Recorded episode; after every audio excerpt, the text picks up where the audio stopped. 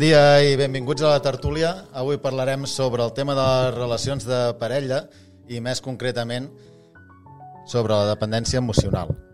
En Joan Garriga, un dels meus formadors en teràpia gesta, l'explica en un dels seus llibres, El bon amor en parella, que hi ha cinc condicions bàsiques pel benestar de la parella. La primera és que la cosa flueixi fàcil, que sigui fàcil, que sigui còmode, que no hi haguem de posar i malgastar un gran esforç i, i posar-hi molta energia perquè la relació eh, vagi bé i que no haguem de tenir aquella sensació de que estem remant contra corrent eh, sempre, sinó que, que la cosa flueixi bé. La segona condició és que la relació estigui composta per dues naturaleses bastant semblants o almenys que no siguin incompatibles. La tercera condició és que els membres de la parella siguin companys, amics, que es puguin acompanyar i compartir al llarg de, de la vida, o almenys de la seva relació. La quarta és tenir confiança plena en l'altre i l'última és el desig espontani de que l'altre estigui bé per sobre de les nostres pròpies pors i mancances. Tot i així, que sembla tan fàcil, moltes vegades ens quedem enganxats en relacions tòxiques, relacions que ens desgasten, amb persones que no ens valoren, amb persones que no ens estimen o que no ens sentim prou estimats i valorats, que cada vegada arribem més al punt de conformar-nos i fins i tot arrossegar-nos per una mica d'amor. Això és el que ja en diem dependència emocional.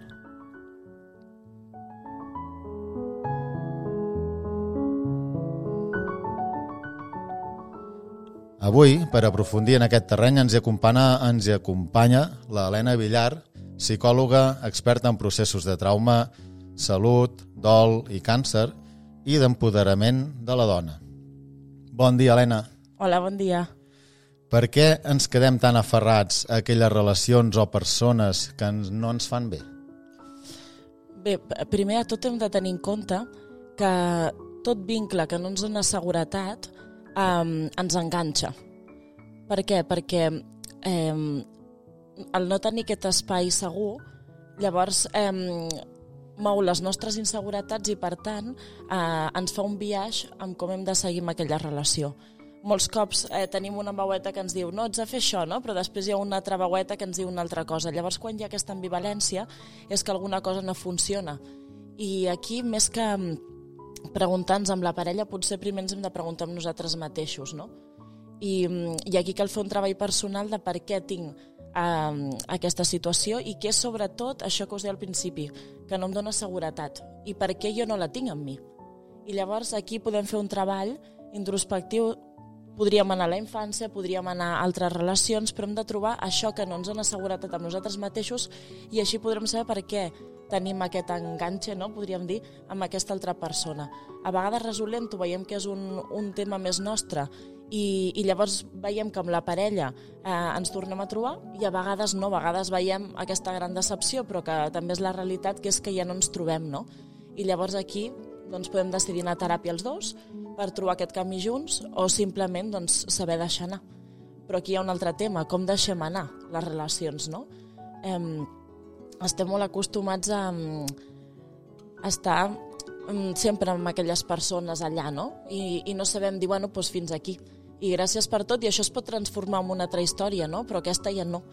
I llavors també això ens hem de preguntar, per què em costa tant dir adeu a aquesta persona? Llavors aquí també hauríem, podríem parlar, eh, ja que com has dit també treballo molt de temes de dol, he treballat moltíssim amb la mort, eh, que tenim molta resistència amb que les coses acabin i comencin, no? i a vegades hem de deixar a l'espai perquè vinguin coses noves i hem de confiar en això, però no ho podrem fer fins que no trobem la seguretat i sobretot l'amor amb un mateix. I per això cal fer un, un camí eh, personal i sobretot de transformació. I la parella pot ser una oportunitat per fer, fer, fer veure'ns això nosaltres mateixos.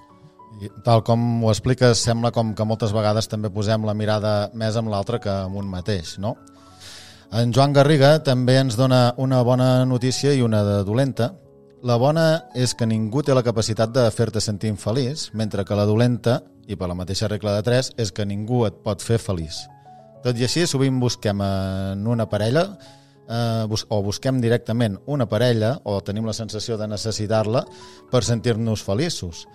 Avui eh, a la tertúlia també ens hi acompanyen l'Ariadna i l'Ester, que com la gran majoria de persones doncs, també s'han trobat en, en diferents tipus de relacions amoroses o desenganys amorosos, que com tots hem passat, més o menys. Bon dia, Ariadna, bon dia,Ester. Bon, bon dia. dia. Què en penseu vosaltres? És important tenir parella per ser més feliços? Jo penso que és, el més important és estar bé un mateix, per poder compartir la vida amb un altre. Però sí que és veritat que depèn de les bases que tu tinguis, les teves arrels, des de la infantesa, i com ha sigut el vincle que has tingut amb els teus pares, tot això repercuteix en la manera en la que tu es relaciones amb, amb la teva parella. I la parella és tot un mirall. La parella és una persona que es reflexa totes les teves coses bones, però també totes les teves mancances. I depèn de si tu ets capaç de gestionar això bé, pot ser un gran aprenentatge. Però si no ho saps gestionar bé, llavors t'enfonses. I es retrobes una altra vegada amb la ferida que ja tens des de fa molt temps. Una ferida que, com dius, ja ve des de la infància i que moltes vegades, per no dir totes, tenen relació amb, amb el tipus de relació que hem tingut amb, amb, amb els pares, no? També. Com ho veus tu, Ariadna? Jo estic molt d'acord amb, amb el fet de que una persona hauria de ser feliç de forma autònoma, no? per, per ella mateixa. Sí que, clar, evidentment, tots tenim inputs, ja siguin parella, familiars, amics, que, que poden condicionar això, però um, no, el que deia abans la companya, l'Helena, um, que és, és important no, que si hi ha un moment d'inseguretat o un moment en què et planteges què està passant amb la parella, també has de parar un moment i dir què està passant amb mi, no? I si hi ha una incoherència amb la teva manera de pensar, que dius, bueno, doncs hi ha una part d'Ariadna que tiraria per aquí, però una part d'Ariadna que tiraria per allà, doncs parem un moment, escoltem a les dues parts d'Ariadna, conciliem les dues parts d'Ariadna i a partir d'aquí doncs poder estar bé i poder ser coherent amb tu mateix per llavors transmetre aquesta coherència i aquesta felicitat amb els demés. Quasi sempre tenim com aquesta, aquesta polaritat, no? Moltes vegades tenim la part més emocional que ens diu una cosa i la part racional que ens en diu una altra i és aquí on hi ha aquestes incoherències on ens podem adonar de que potser sí que estem aferrats a una relació o a una persona que no, com comentaves tu, Helena, no som capaços de deixar anar i per què ens passa que no els puguem deixar anar? Què, què, què hi ha que, que trobem que, no, que, que haguem de continuar allà aferrats, que hi hagi aquesta dependència, que no puguem poder dir, mira, sí, realment jo veig que aquí aquesta història s'ha acabat o que jo aquí no sóc feliç o que no és el que m'esperava o, que, o que simplement s'ha acabat i em costi tant de tirar endavant per la meva banda. Bé, aquí eh, el que està molt clar és una falta d'amor amb un mateix. Mm, I com deia la companya, mm, potser encara no hem fet l'aprenentatge que ens fa eh, poder dir m'estimo i me'n vaig perquè a vegades permetem coses només per una mirada, només per un saber que aquella persona està allà, no? I, i ens abandonem a nosaltres mateixos, a vegades ens arribem a trair, no? Llavors és molt important eh, fer aquesta cerca d'amor amb un mateix, perquè a vegades eh, quan, en, quan trobem aquest amor és molt més fàcil. Llavors el que ens enganxa és, és això, el, el no trobar l'amor amb un mateix i buscar-lo amb l'altre Llavors ho busquem tant amb l'altre i no ens mirem a nosaltres mateixos que llavors mm, és com una cerca perduda i cíclica, no? de, de voler buscar amb l'altre alguna que potser no pot canviar i hem d'acceptar. Eh, potser que no ens pot donar i també hem d'acceptar, no? I llavors nosaltres triar si això ho vull o no ho vull. Per això és molt important saber quins mínims i quins màxims ens permetem en una relació, no? I, mm, i aquí és on rau la clau per què m'estic enganxant? Doncs potser això em dona la resposta a algú que jo encara haig de solucionar amb mi mateix o a mi mateixa i, i per això aquella persona està allà encara, no? perquè jo no ho trobo. Llavors per això és molt important sempre la mirada cap a un mateix i saber què és el que em fa que no pugui marxar. Però sempre mirar un mateix, no esperar que l'altre canvi o esperar que, que faci una cosa diferent. sempre és esperar jo canviar i aprendre d'aquí. I quan normalment aprenem i entenem què és el que ens enganxa, perquè en cada persona és diferent, però sempre té a veure amb el vincle i amb l'amor, això segur. Llavors aquí és quan realment podem deixar anar perquè hem trobat això que encara ens, ens enganxava amb aquella persona, però sempre té a veure amb aquests dos temes i evidentment el que he dit al principi de la seguretat, que està molt relacionat. Mm. Um, també una mica per la societat en la que vivim o de la que venim, tot i que sempre està en moviment i, i canviant, però eh, també veig o escolto molt la tendència o la, la creença, més ben dit, de que dues mitges taronges en fan una de sencera. És a dir, que com si nosaltres vinguéssim en aquest món incomplets i que haguéssim de trobar una altra persona perquè ens completés, no? que això també ho podem veure molt en, en les pel·lícules de Disney, per exemple, no? on, on justament les pel·lícules de Disney s'acaben quan hauria de començar, perquè allà s'acaben i, i són feliços per sempre, no? Però no ens expliquen la, la, la, com seria la continuació de viure el dia a dia amb un príncep o una princesa. Eh, com ho veieu vosaltres? Creieu que... Bé, la pregunta potser és molt òbvia, no? però la vull dir així una mica oberta per veure com ho veieu. És L'altra persona ens complementa, ens ha de complementar. Com, com ho veieu vosaltres, aquest tema de, de, que, de ser complerts o que ens hagin de completar?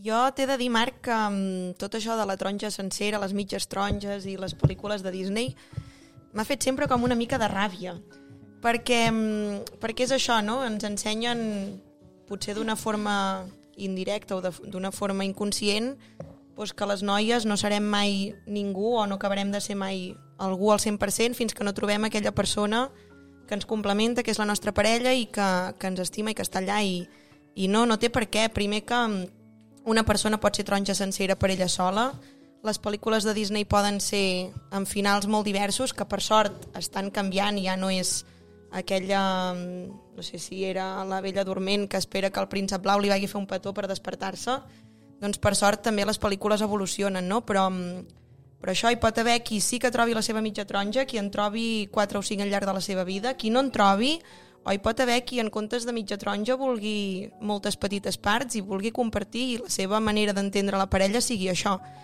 Llavors és com que mm, em genera aquesta ràbia perquè ens han com inculcat o ens han fet creure que l'amor és així, sobretot pel que fa a les noies, perquè els nois potser no és el mateix.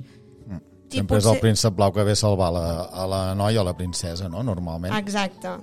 I potser no és fins que ja ets més gran o, o fins que simplement t'ho planteges de dir no, doncs jo això no ho vull, però mm, un cop tu veus que això no és lo real i que no és el que et trobaràs, llavors també hi ha l'altra part que és, vale, jo això no ho vull, però continuem inculcant això, no? i és molt difícil canviar-ho. Llavors, no sé, em, fa, em genera aquesta ràbia no, de dir ens ho inculquen, però això no és la realitat i, i no és el que les dones volem, o no totes.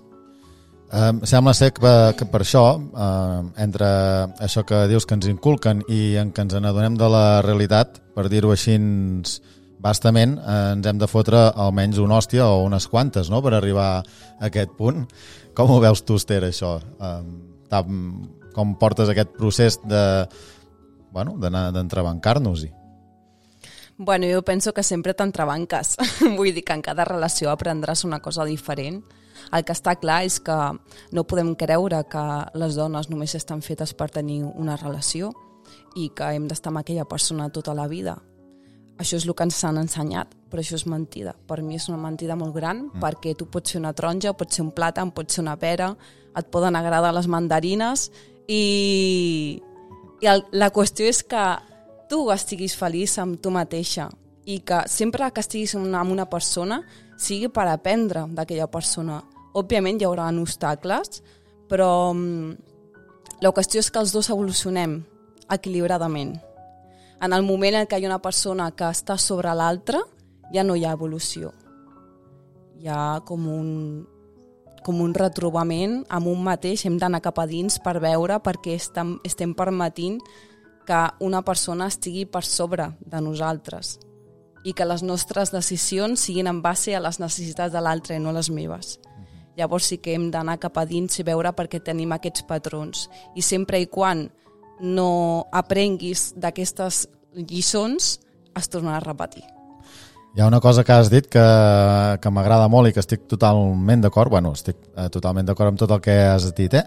però em quedo amb una cosa que jo penso que pot ser molt interessant també, per, tant per nosaltres com pels nostres oients, que és això que has dit, no? de cada relació eh, podem fer un aprenentatge, no? i sobretot jo penso que és en aquests moments, en els moments en què veiem que no va bé o que fins i tot s'ha acabat, on eh, moltes vegades també tendim a culpar l'altre de que no hagi funcionat la relació, però eh, jo penso que és important també mirar-se un mateix i dir, vale, i jo què hi he posat de la meva part i què no hi he posat o, o què he fet també perquè no, no vagi bé aquesta relació.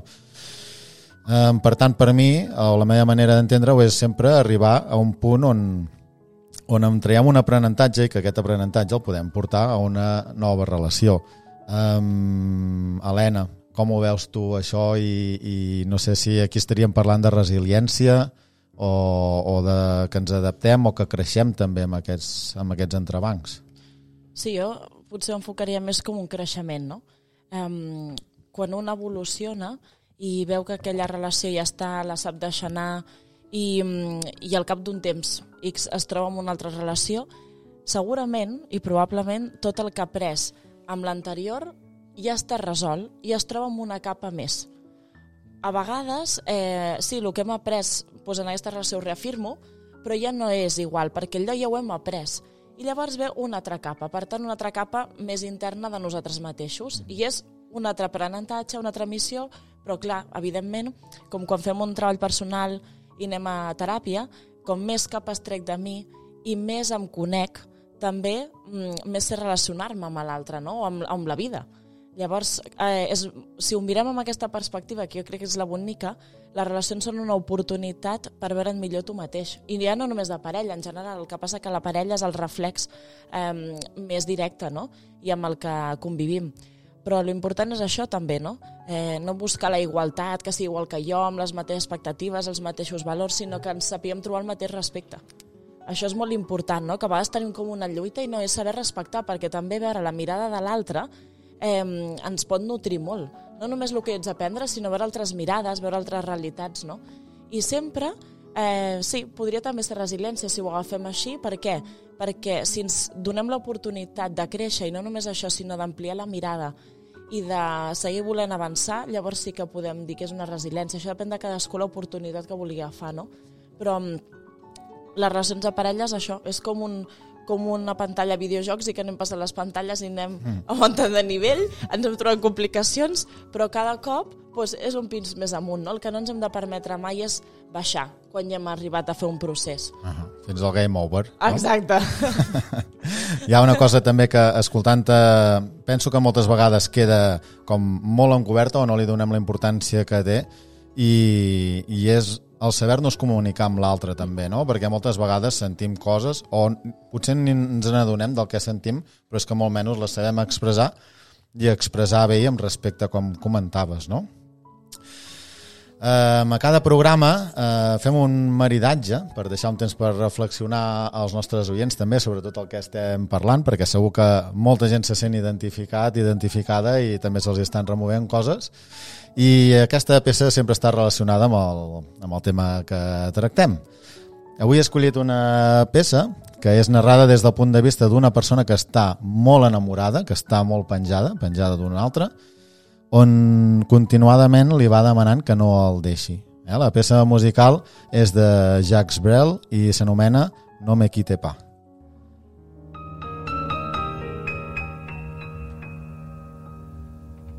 Ne me quitte pas, il faut oublier tout, peut s'oublier qui s'enfuit déjà, oublier le temps des malentendus et le temps perdu, à savoir comment oublier ces heures qui tuaient parfois à coups de pourquoi cœur du bonheur.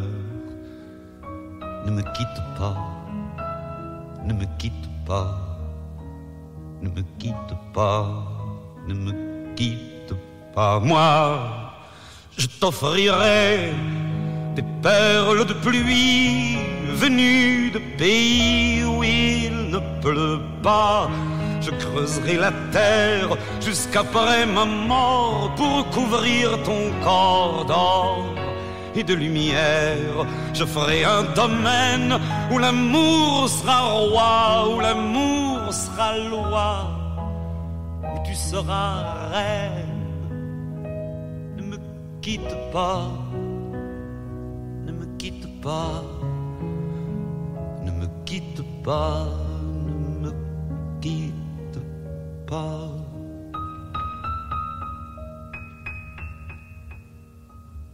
ne me quitte pas. Je t'inventerai des mots insensés que tu comprendras. Je te parlerai de ces amants-là qui ont vu deux fois leur cœur s'embraser. Je te raconterai l'histoire de ce roi mort de n'avoir pas pu te rencontrer. Ne me quitte pas, ne me quitte pas. Aquesta cançó és considerada una de les cançons d'amor més precioses de tota la història, tot i que la peça acaba dient no em deixis, abans deixa'm ser l'ombra de la teva ombra, l'ombra de la teva mà, l'ombra del teu gos, però no em deixis. Per què ens quedem allà on, no, on ja no ens estimen, on no ens valoren? No sé, um, suposo que tots hem tingut aquesta sensació no? alguna vegada, i, eh, jo personalment l'he tingut, però per què continuem allà lluitant i remant contra corrent a un lloc que ja no, que ja no ens hi volen o que almenys no ens sentim com, com ens agradaria sentir-nos-hi? Clar, perquè és el que deia abans, estem buscant amb l'altre el que no trobem amb nosaltres mateixos. Busco que em valori, però la pregunta és, em valoro jo? Llavors aquí potser el treball, en comptes d'esperar l'altre, és jo fer aquest pas i valorar-me o donar-me el lloc o fer-me respectar. No puc buscar en l'altre algú que jo no tinc en mi mateix o no em dono a mi. És, és això eh, el que abans intentava dir, no? Eh, busquem molt amb l'altre perquè potser perquè ens fa por veure això de nosaltres mateixos, perquè no sabem com fer-ho, perquè ens costa agafar i dir, bueno, doncs vaig a buscar una solució i responsabilitzar-me, no? Per això és molt important aquest canvi. L'altre només és un mirall. Si jo després faig aquest canvi i l'altre també el fa, podem intentar seguir avançant, però si l'altre segueix, jo ja he fet l'aprenentatge i ja puc ser lliure. Llavors ja no notarem aquest aferrament, aquest enganxe que deia abans, no? Perquè ja he pres el que havia d'aprendre llavors evidentment dius, ostres, pues ara que em valori m'he donat el meu lloc perquè m'haig de quedar aquí. I aquí sí que és quan canvio la mirada perquè he canviat en mi mateix. I llavors ja no hi ha aferrament i me'n puc anar. És ben bé que la vida sembla ser que va d'això, de fer un aprenentatge mm. darrere Això sembla, l'altre. eh? això sembla. I jo sobre aquest tema eh, també opino, com a experiència personal, que és molt important també el concepte que tenim com a amor. Clar, nosaltres aprenem el que és l'amor quan som petits. La manera en què ens tracten els nostres pares, òbviament és amor, encara que sigui un maltracte. Llavors, clar, això és un aprenentatge que tenim inserit i conscientment dins nostre i jo penso que moltes vegades repetim aquest, aquest concepte de l'amor. Però clar, la nostra ànima sap perfectament que el maltractament no és amor. Llavors, clar, per molt que estiguem, estiguem constantment repetint el mateix patró, nosaltres no estem a gust. Hi ha una part nostra que està buscant uh, la seguretat en una relació que mai et donarà seguretat. Llavors, és aprendre a, a canviar la mirada que nosaltres tenim sobre, sobre, sobre les relacions. I, I sobre l'amor, no? I També. sobre l'amor. I, bueno, és tot un treball. I tant. Quan jo era petita hi havia una frase que deien quien te quiere te hará llorar i jo crec que realment no és així. No, no, no, no. Realment a nivell social no ens han ajudat gaire, eh? Sí, no. Clar, um, com ens deies tu, Helena, també no? és, és la gran importància aquí és en aprendre a estimar-se un mateix, no? I, i mm, com tu, Esther, qüestionaves què és l'amor, um, potser seria això, no? Um, algú qui t'acompanya i ens ajuda a aprendre, a créixer, no? Llavors hi ha parelles que Um, això és una cosa que veig molt. Hi ha parelles que creixen juntes i hi ha parelles en què només un dels dos membres de la parella creix i l'altre decideix quedar-se on estava, no? I de fet em trobo a, a la consulta doncs, eh, gent que explica, bueno, és que fa 15 anys que el conec i és exactament igual que fa 15 anys, és que fa les mateixes coses, pensa igual, no, no, no canvia. No? Llavors també eh, hi ha un paper aquí de, de créixer conjuntament o és simplement que bueno, aquella persona està allà fins que haguem fet l'aprenentatge que hem de fer i, i ja està, i allà s'acaba. Què en penseu? És una pregunta oberta a tothom, eh? Vull dir, tots tenim experiència amb això. Jo, Jo- persones... Digues, digues. No, no, parla tu.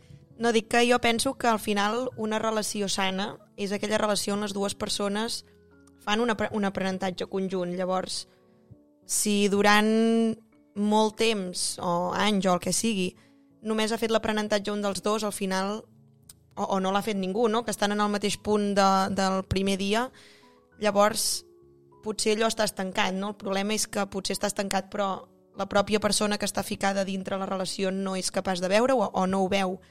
Llavors, si entenem com a sa, o, o jo entenc com a sa, que aquest procés, aquesta evolució de parella la facin els dos, clar, en el moment en què no la fa cap dels dos o només la fa un, potser és el que comentàvem, no? que has de parar un moment i dir, vale, doncs què està passant, com m'estic sentint, què em transmet l'altre, què sento jo, i a partir d'aquí doncs o, o ho planteges o, o fas un procés personal de creixement tu o, o l'ha de fer l'altra persona, però és això, no? que perquè sigui sa, no sé, eh, des del meu punt de vista, però no pot estar estancada una relació de 15 anys o, o perquè digues tu, Marc, eh, però del temps que sigui, que sigui el mateix el primer any que l'últim. És evident que, que hi ha una evolució, que hi ha un procés. Llavors, bueno, doncs, la importància d'aquest aprenentatge conjunt, però que també implica un aprenentatge personal de cadascun dels dos.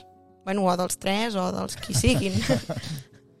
També hem de saber respectar els camins de l'altre i el que tria l'altre, no? Tots triem la vida que volem i a vegades també és aquest deixar anar quan veiem que l'altre no vol evolucionar eh, o a vegades parelles que diem ai, per què passa això? Bueno, també els hem de deixar, cadascú tria el que vol i també hem de deixar que les persones si volen alguna cosa ja vindran, però també hem de deixar que la gent visqui el que vol viure. Hi ha gent que ja mm, per un tema de que no, no vol treballar-se o no es vol veure, volen viure així. Evidentment no, no crec que estiguin amb una qualitat de vida i un sanejament com a parella, però també és el que trien. Clar. I llavors hem de respectar també molt la tria de cadascú no? i el procés de cadascú, perquè penso que, que tots tenim moments, tots som vulnerables i tothom fa el que pot en el moment que, que es troba, no?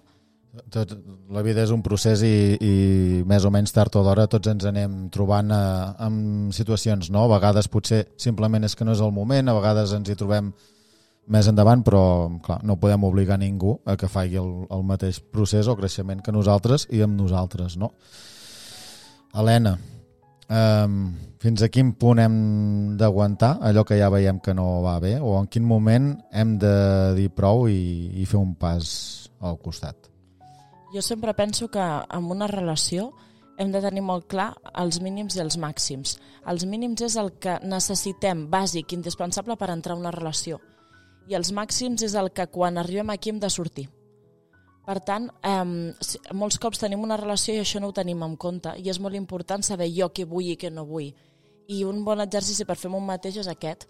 Els màxims seria el que jo, per mi, pels meus valors, pel que sigui, jo ja veig que ets de marxa. Uh -huh. I aquí seria la resposta, no? Pues si, per exemple, a mi que em cridin, em faltin el respecte, és algo que per mi és un valor que ja no puc estar en parella si fan això, o un maltractament més físic, el que sigui, no? Però bueno, ho hem de tenir en compte.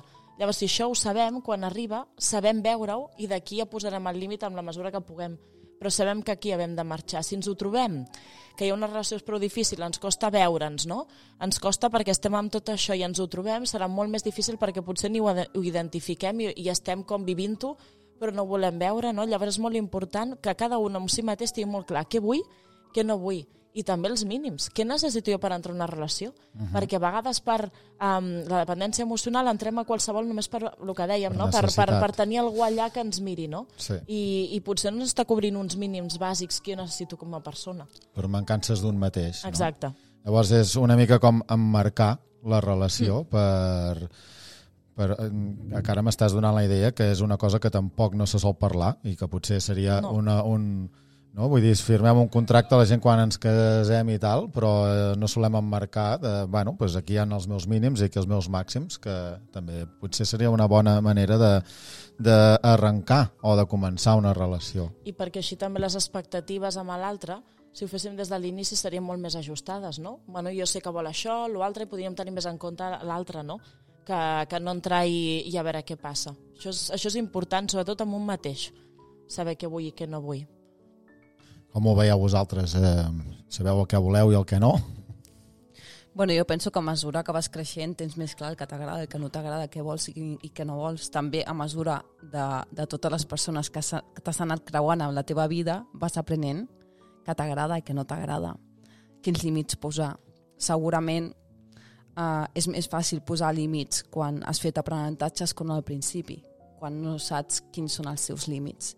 Llavors penso que és superimportant, abans de posar la part emocional, sobretot les persones que som emocionals, que de seguida ens entreguem no? i no, no posem la ment, crec que és important uh, posar la ment, inclús escriure-ho en un paper, Sí, per tenir-ho clar, no? per tenir-ho una cosa tangible i nosaltres valorar si aquella persona compleix aquests requisits mínims, perquè clar, tu pots sentir molt, però Ah, exacte, però si no hi ha però, això... clar, sí, si, es, si, es, si es compleix tot això o no, llavors puc decidir amb més consciència Ah, si, si, si és bo entrar en aquesta relació o no.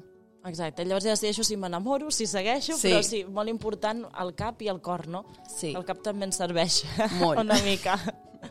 Sí. Molt bé, doncs a veure, deixarem ara també als, a les nostres oients i els nostres oients que després d'haver-nos escoltat segur que s'estaran plantejant i reflexionant sobre tot aquest tema que vulguis que no, eh, jo em sembla que al, al llarg del dia hi reflexionem poc o molt tots i deixarem aquí aquesta tertúlia sobre la dependència emocional. Us vull dir que moltes gràcies a totes tres per aportar a compartir i per mostrar-vos també, perquè és una cosa que eh, no solem fer i per mi és una de les coses de, mm, que mostra més el coratge i la valentia d'una persona, que és mostrar, poder-nos despullar davant dels altres i que al final és quan veiem que tots som fets de la mateixa pasta, que tots som humans i que, i que tots som iguals. Si, si tots ens obríssim i ens mostréssim, eh, segurament no arribaríem a, a guerres ni a tants patiments, no? Bé, només això. Gràcies a totes i, i fins la pròxima. Gràcies. Gràcies. Gràcies, Marc.